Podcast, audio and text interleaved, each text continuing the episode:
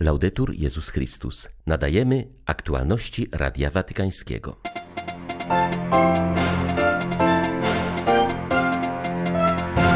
Przygotujcie się do Światowych Dni Młodzieży. Otwórzcie horyzonty i serca. Dziękuję Wam, że zapisaliście się z tak wielkim wyprzedzeniem. Miejmy nadzieję, że inni pójdą za Waszym przykładem, przekazał papież w przesłaniu do młodych ludzi. Kardynał Kurtkoch uważa, że nie możemy zrobić lepszej rzeczy dla jedności chrześcijan niż modlić się o nią. Pozostaje ona darem Ducha Świętego. Polak otrzymał dzisiaj ważną nominację w Watykanie. Ksiądz Paweł Malecha został promotorem sprawiedliwości w Najwyższym Trybunale Sygnatury Apostolskiej. 20 stycznia witają Państwa Krzysztof Bronk i ksiądz Krzysztof Ołdakowski. Zapraszamy na serwis informacyjny. Już 400 tysięcy osób zgłosiło swój udział w Światowych Dniach Młodzieży w Lizbonie. Informację tę podał sam papież w wideo przesłaniu do młodych, którzy przygotowują się do udziału w tym wydarzeniu. Zgodnie z zapowiedzią, podczas ostatnich Światowych Dni Młodzieży w Panamie, Franciszek miał spotkać się z młodzieżą już w ubiegłym roku. Z powodu pandemii datę tego wydarzenia przełożono o rok i odbędzie się ono od 1 do 6 sierpnia w stolicy Portugalii. Franciszek cieszy się z tak wielkiego zainteresowania tym spotkaniem. Daje też młodym pewne wskazówki na ostatnie miesiące przygotowań. Drodzy młodzi, zbliżają się, nawet jeśli brakuje jeszcze kilku miesięcy, Światowe Dni Młodzieży. Zapisało się już 400 tysięcy osób. Jestem tym zaskoczony i cieszę się, że przyjedzie tak wielu młodych, którzy czują, że potrzeba wziąć w tym udział. Ktoś powie, jadę jako turysta, jednakże młody, który przybywa na Światowe Dni Młodzieży, czuje w głębi potrzebę uczestnictwa, dzielenia się, opowiedzenia o swym doświadczeniu i poznania doświadczeń innych ludzi. Pragnie horyzontów. Wy młodzi, którzy zapisaliście się w liczbie 400 tysięcy, pragniecie horyzontów. Na tym spotkaniu, w tych dniach uczycie się patrzeć zawsze na horyzont, do patrzenia dalej i dalej, by nie stawiać murów przed własnym życiem. Mury zamykają, horyzont pomaga nam się rozwijać. Patrzcie zawsze na horyzont waszymi oczyma, przede wszystkim sercem. Otwórzcie serce na inne kultury, na innych chłopców i dziewczęta, którzy przybędą na to spotkanie. Przygotujcie się do tego, otwórzcie horyzonty i serca. I dziękuję Wam, że zapisaliście się z tak wielkim wyprzedzeniem. Miejmy nadzieję, że inni pójdą za Waszym przykładem. Niech Wam Bóg błogosławi, a Matka Boża niech Was strzeże. Módlcie się za mnie, jak i ja modlę się za was. I nie zapominajcie, nie dla murów, tak, dla horyzontów. no, horizonte si. Papież spotkał się z przedstawicielkami Zgromadzenia Sióstr Służby Społecznej w stulecie ich założenia i zachęcił je do twórczego rozwoju ich charyzmatu. Wręczył im także list, którym przyznał, że w historii tego węgierskiego zgromadzenia szczególnie zaskakuje silne zaangażowanie polityczne założycielki. Margit Slachta była pierwszą posłanką w historii Węgier. Kontynuowała swoją misję w parlamencie nawet po założeniu zgromadzenia zakonnego. Jej siostry pracowały w szpitalach, organizowały sierocińce, a także założyły dwie szkoły zawodowe. Papież w liście odwołał się do tego dziedzictwa, wskazując, że jak każdy charyzmat, jest ono szczególnym darem dla Kościoła. Zaznaczył, że charyzmat jako dar ducha w każdych okolicznościach czasu i miejsca odzyskuje żywotność, w przeciwieństwie do darów otrzymywanych od ludzi, które starzeją się i rozpadają. Wskazał, że Margit Slachta umiała odpowiedzieć na wyzwania, jakie postawiła przed nią historia. Imponujące jest to, że w czasie Holokaustu potwierdzała, że nakazy wiary zobowiązują siostry do ochrony Żydów, nawet z narażeniem własnego życia. Czytamy w liście Franciszka.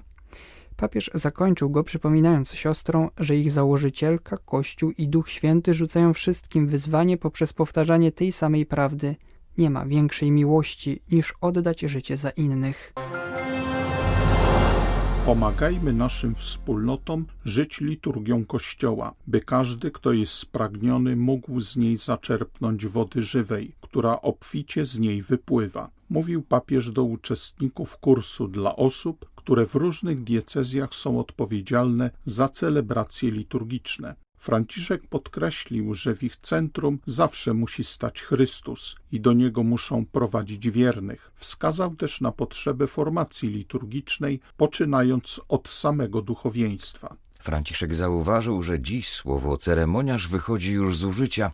Mówi się raczej o mistrzach celebracji, bo mistrz jest tym, kto uczy liturgii, prowadzi na spotkanie z misterium paschalnym Chrystusa.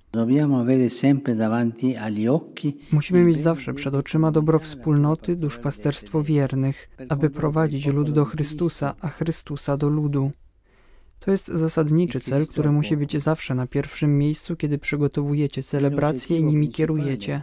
Jeśli to zaniedbamy, będziemy mieć piękne rytuały, ale bez mocy, bez smaku, bez znaczenia, ponieważ nie dotykają serca i egzystencji ludu Bożego. To Chrystus sprawia, że serca pałają. To spotkanie z Nim pociąga ducha. Celebracja, która nie ewangelizuje, nie jest autentyczna. Jednym z celów soboru było udzielenie pomocy wiernym, aby mogli odzyskać umiejętność pełnego przeżywania akcji liturgicznej i zdumiewać się tym, co się dzieje w celebracji na naszych oczach. Nie mówią o doznaniach estetycznych, lecz o zdumieniu. Zdumienie to nie to samo, co doznanie estetyczne. To spotkanie z Bogiem. Tylko spotkanie z Bogiem wprawia w zdumienie. W jaki sposób osiągnąć ten cel? Odpowiedź znajduje się w samym Sacrosantum Concilium. W punkcie 14 zaleca się formację wiernych, lecz jak mówi konstytucja, osiągnięcia tych rezultatów nie można się jednak spodziewać, jeśli najpierw sami duszpasterze nie będą przeniknięci duchem i mocą liturgii i nie staną się jej nauczycielami. Koniecznie więc należy zapewnić duchowieństwu odpowiednią formację liturgiczną. alla formazione liturgica del clero.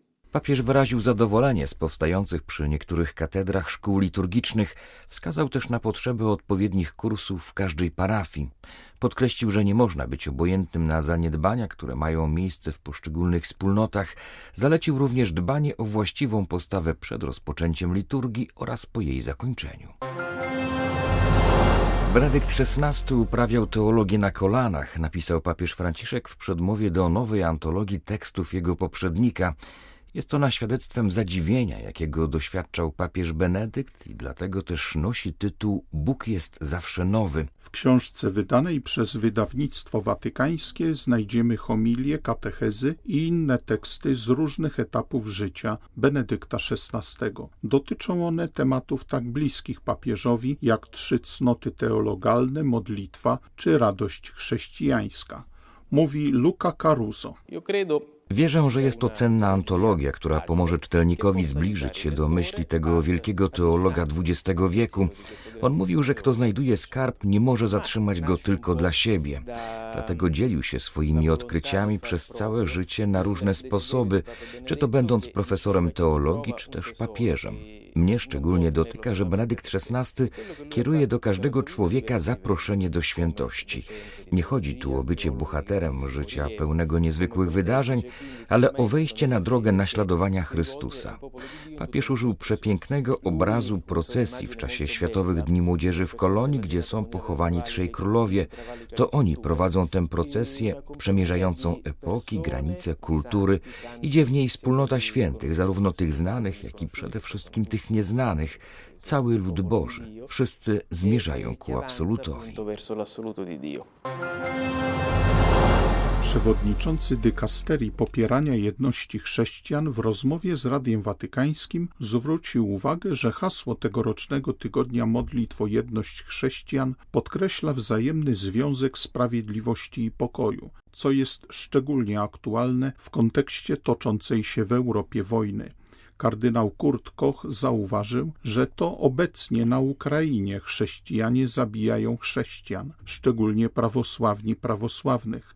To pokazuje, że religia jest częścią bolesnego problemu, zamiast być przesłanką dla jego rozwiązania. Szwajcarski kardynał uważa, że na drodze do osiągnięcia pokoju nie ma alternatywy dla dialogu, a owocem sprawiedliwości jest właśnie pokój. Słowa czyńcie dobro, szukajcie sprawiedliwości w tygodniu modlitw o jedność chrześcijan przypominają nam, że te dwie rzeczy idą razem, są połączone. Po pierwsze, wydarzenie to wskazuje, że fundamentem całego ekumenizmu jest modlitwa o jedność.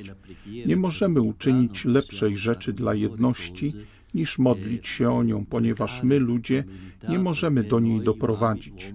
My ludzie sami z siebie możemy jedynie tworzyć podziały i niezgodę, jak pokazuje historia, ale także obecne czasy. Jedność zawsze pozostaje darem Ducha Świętego i najlepszym przygotowaniem, aby otrzymać ten dar, jest modlitwa. Z drugiej strony powinniśmy także pracować na rzecz jedności. Ojciec Święty zawsze wskazuje na trzy rzeczy. Powinniśmy podążać razem, modlić się razem i razem współpracować. Trzeba także budować sprawiedliwość pomiędzy samymi chrześcijanami i wspólnotami kościelnymi. Wczorajszy dzień znów był dniem walki i łez. Nieprzyjaciel niestrudzenie ostrzeliwuje wszystko, co znajduje się w zasięgu jego broni. Mówił w dzisiejszym orędziu arcybiskup Światosław Szewczuk. Zauważył, że rekordowej liczby ataków doświadczył region zaporowski. Odnotowano tam co najmniej 224 zmasowane ataki na spokojne miasta i wioski. Odnosząc się do obchodzonej wczoraj w kościołach wschodnich na Ukrainie uroczystości Chrztu Pańskiego, arcybiskup Szewczuk zauważył, że w tym roku Ukraińcy w sposób szczególny uświadomili sobie, że na mocy chrztu stali się przybranymi dziećmi Boga, Jego dziedzictwem. Stoimy dziś przed obliczem Boga. Pokropiliśmy drzwi naszych domów świętą jordańską wodą i czerpiemy duchowe siły z naszej wiary w Boga. Chrystus jest światłem dla swego narodu.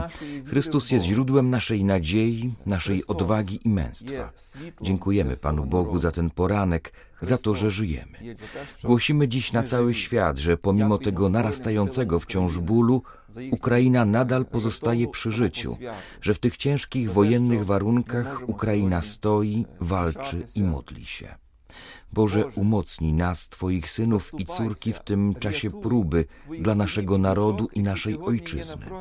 Boże, wesprzyj Twoich synów i córki, którzy dziś są na froncie, i bronią naszego narodu z bronią w ręku. Ratuj ich. Boże, nasz naród ochrzczony w imię Ojca, Syna i Ducha Świętego jest Twoim dziedzictwem. Dlatego prosimy dziś Ciebie, ocal Twych ludzi i błogosław Twoje dziedzictwo. O Boże, błogosław naszą od tak dawna cierpiącą Ukrainę Twoim sprawiedliwym, niebiańskim pokojem.